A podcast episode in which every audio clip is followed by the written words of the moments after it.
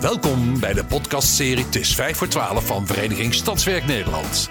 Met vijf vragen over een urgent thema die niet op een antwoord kunnen wachten.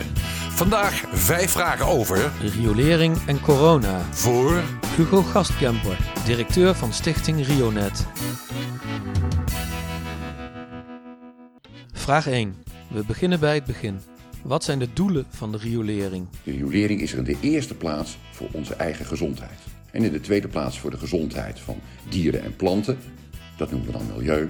En in de derde plaats voor droge voeten. Dat laat ik verder onbesproken. Het afvalwater is vies. Daarom stoppen we het in die buizen en brengen we het naar de rioolwaterzuivering. Onze ontlasting zit vol met ziekteverwekkers. Misschien zit er nu ook een heel klein beetje corona daarbij. Bij een aantal mensen is aangetoond dat ze coronavirus in de ontlasting hebben. Vraag 2. Kunnen we daar dan ziek van worden? Dan moet je wel ongelooflijk je best doen. Ik loop de hele route even af. In de eerste plaats moet er dus corona in het afvalwater zitten. Dat wordt doorgetrokken, gaat het riool in. Nou vindt dat virus water helemaal niet lekker. Dat verspreidt zich via de lucht. Dus het virus valt snel uit elkaar. En dan kun je wel genetisch materiaal aantonen, maar je wordt er niet ziek van. Ten tweede is het riool natuurlijk dicht. Eh, je moet het afvalwater niet inademen en niet doorslikken. Nou, daar moet je goed je best voor doen.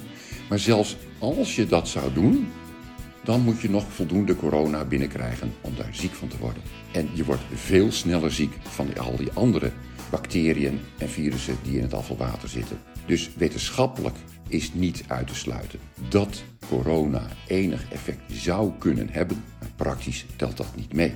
Vraag 3. Nemen rioolbeheerders extra maatregelen om zich tegen het virus te beschermen? Als je werkt aan de riolering, moet je jezelf beschermen door eh, onder andere adembescherming. Dan zijn we dat lang niet altijd gewend, maar nu is dat dan toch als voorzorgsmaatregel, wordt het aanbevolen op basis van de Arbo-regelgeving. Hebben we genoeg adembescherming? Dat is eh, nog even de vraag. Er wordt natuurlijk door heel veel sectoren, vooral in de zorg, eh, zijn er mondkapjes nodig. Stichting Rionet is samen met eh, het ministerie en Unie van Waterschappen druk bezig om te kijken of er voldoende mondkapjes zijn en blijven. Vraag 4. Is de riolering een vitale sector? Vitaal, dat komt uit een bepaalde officiële Europees geïnspireerde aanpak van welke sector dan zo belangrijk is dan als er een grote ramp is, dat je die kan blijven doordraaien. Denk dan aan de elektriciteitsvoorziening, de drinkwatervoorziening, het giraal geldverkeer. Riolering en afvalwaterzuivering zijn in die zin niet vitaal. Maar in de praktijk natuurlijk wel. Natuurlijk moeten we naar het toilet kunnen blijven gaan. En we worden aangeraden, nee eigenlijk verplicht om onze handen te wassen. En dat afvalwater moet je dus rustig en goed kunnen laten wegstromen. Dus in de praktijk zijn we vitaal, cruciaal, essentieel, noodzakelijk. Je mag het noemen zoals je het wil, maar de pompen moeten blijven draaien. Vraag 5. Kan je gezond doorgaan met het reinigen van de riolen? Nou, voor de bewoners geldt natuurlijk altijd blijf weg van afvalwater. Dus ook niet in de buurt van waar er gewerkt wordt. Dan krijgen ze vaak een bewonersbrief waarin gewaarschuwd wordt voordat het wel eens uit het toilet zou kunnen borrelen of zelfs omhoog zou kunnen spuiten. Dat risico wordt hopelijk wat verminderd doordat er met lagere drukken wordt gewerkt. Maar als het dan gebeurt, moeten bewoners naar het rioolreinigingsbedrijf bellen of naar de gemeente en dan wordt het professioneel gereinigd.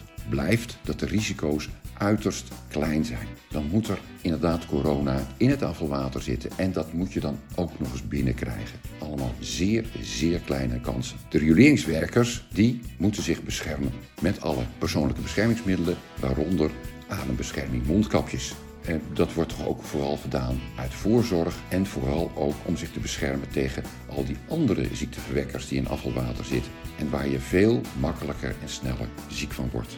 Corona krijg je van elkaar door elkaar aan te hoesten, door aan te raken. Aller, aller, allerbelangrijkste is het handen wassen, het afstand houden. En als iedereen zich daaraan houdt, dan krijgen we corona klein. Alleen uit wetenschappelijk oogpunt wordt besmetting door eh, corona in afvalwater niet uitgesloten. Maar aanwijzingen dat het feitelijk gebeurd of is gebeurd, zijn er op dit moment niet. U luisterde naar Het is 5 voor 12, een podcastserie van Vereniging Stadswerk Nederland. Heeft u zelf een urgent thema met vragen die niet op een antwoord kunnen wachten? Mail het dan naar info.stadswerk.nl onder vermelding van podcast. Dank voor het luisteren.